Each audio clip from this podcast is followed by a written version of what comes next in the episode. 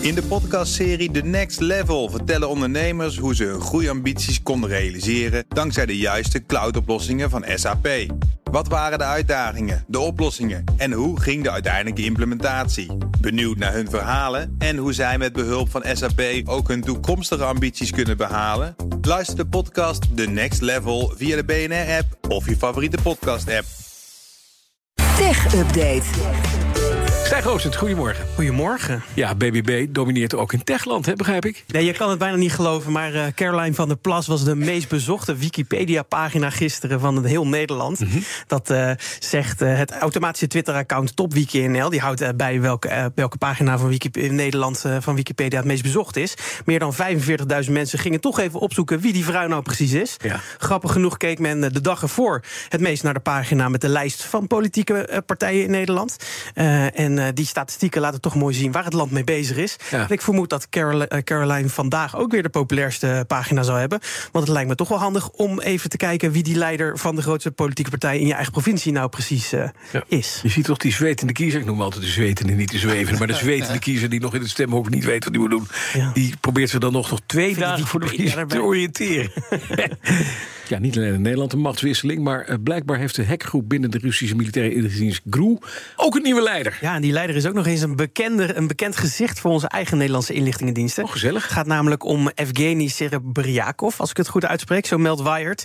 Hij is uh, sinds een jaartje de leider van uh, Sandworm, een speciale groep hackers van de GRU, uh, de Russische militaire inlichtingendienst. Ja.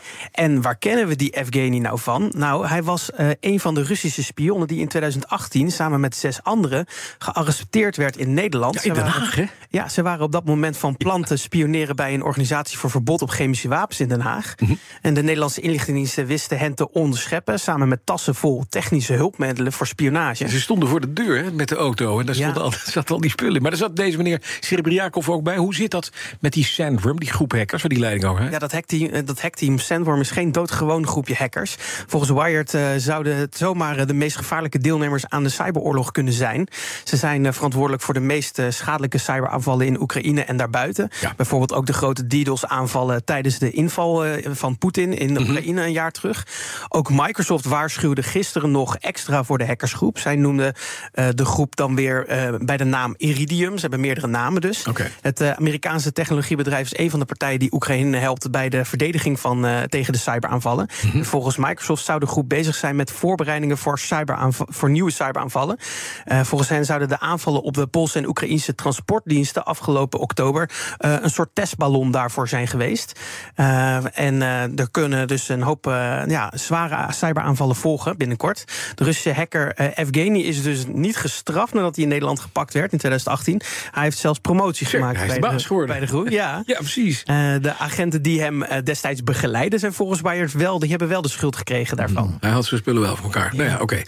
TikTok dan. Want dat wordt nu echt gedwongen door de Amerikaanse regering om de westerse tak te verkopen. Weg te gaan bij de Chinese eigenaar ByteDance. Ja, de Wall Street Journal, Journal meldde dat vannacht al op basis van ingewijden. Ja. De Amerikaanse overheid die zou nu echt een verkoop geëist hebben uh, van de Amerikaanse tak van uh, TikTok. Dat is door uh, het Amerikaanse Comité van Buitenlandse Investeringen opgelegd aan de Chinese eigenaar ByteDance.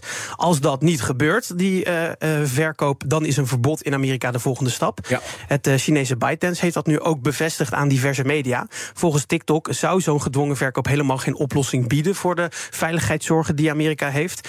Een uh, woordvoerder zegt dat een verandering van eigenaar geen nieuwe beperkingen zou opleggen aan gegevensstromen. Maar de Amerikaanse overheid ziet dat anders. Die wil het liefst dat een Amerikaanse partij de volledige controle krijgt.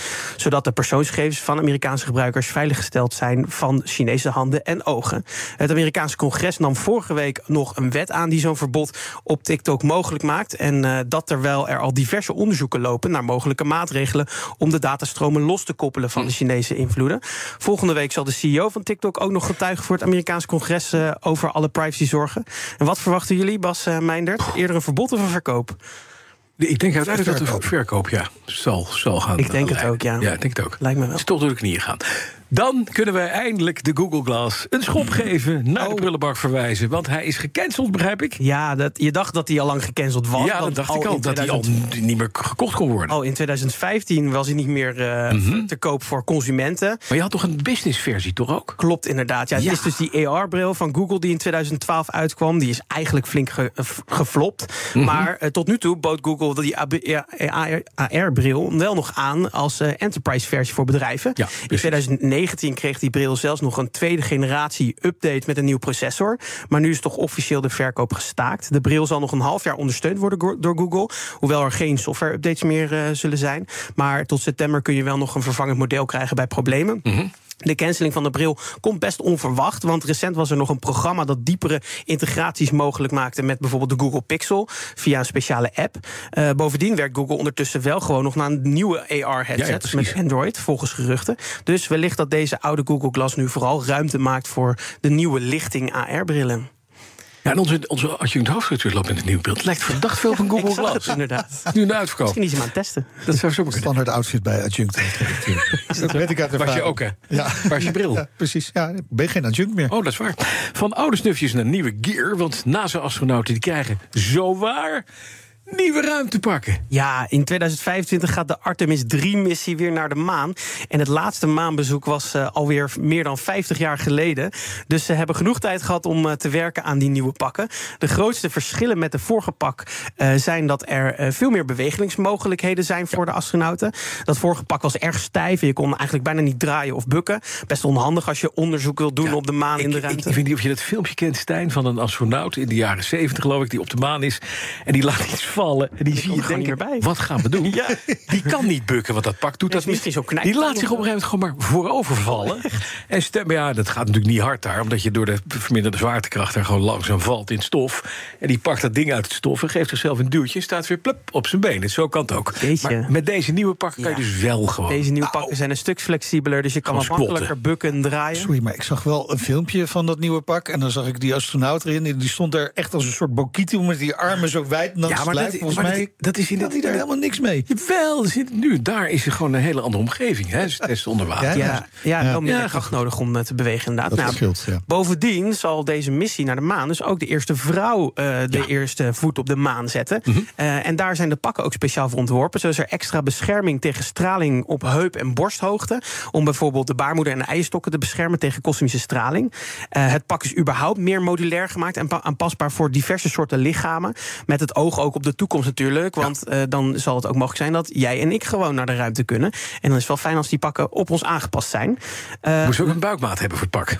Ja, ja, spreek ik voor mezelf. En je kan er in ieder geval ook makkelijker instappen. Dat is wel fijn. Dat is fijn. Leuk detail nog. eh, De pakken zijn ontworpen door de kostuumdesigner van de fictieserie For All Mankind. Mhm. De pakken zien er dan ook eh, behoorlijk anders uit. Vooral qua kleur en eh, qua details. Oranje details. Het is een donker pak. Het is een donker pak. Ja, dat vond ik heel gek. Want dat, Ja. dat witte pak reflecteerde zonlicht. Ja. En het is zo, dat weten we. Je gaat in de, op de maan van in de zon is het plus 70 tot 120 graden, Dus geloof dat ik. Naar- tegen kunnen, ja. naar- aan, de, aan de achterkant, je ruggetje, staat dan min 60. Want Ja, dat is dus hij moet Een heel speciale coating op of zo. Vast, maar hij het is moet heel zwart, goed tegen die hitte. kunnen. Ja.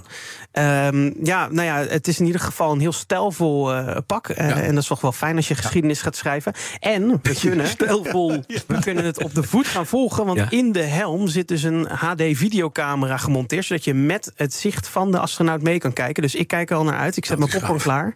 Het wordt een soort Formule 1 eigenlijk. En het wordt de betere versie van For All Mankind. Ja, het is wel mooi. En het is een, ze hebben meer. eh, eh, ze hadden zo'n backpack altijd op hun rug. Hè. Nou, dat is ook een beetje kleiner geworden. Ze hebben Ja. meer visie in hun helm. Ja. En er zitten inderdaad van die lampjes op... wat je al jaren in science fiction films ziet. Precies, het is echt sci-fi geworden. hè. Ja, een stuk uh, En er- futuristisch. Wanneer komt de lightsaber? Ja, nou, die heeft hij in zijn handen, zie ik. Ja. nu een Daar is filmpje. Disney ook al hard mee bezig hoor. Stijn Grootens, dankjewel. Dank jullie wel. De BNR Tech Update wordt mede mogelijk gemaakt door Lenklen. Lenklen. Betrokken expertise, gedreven resultaat.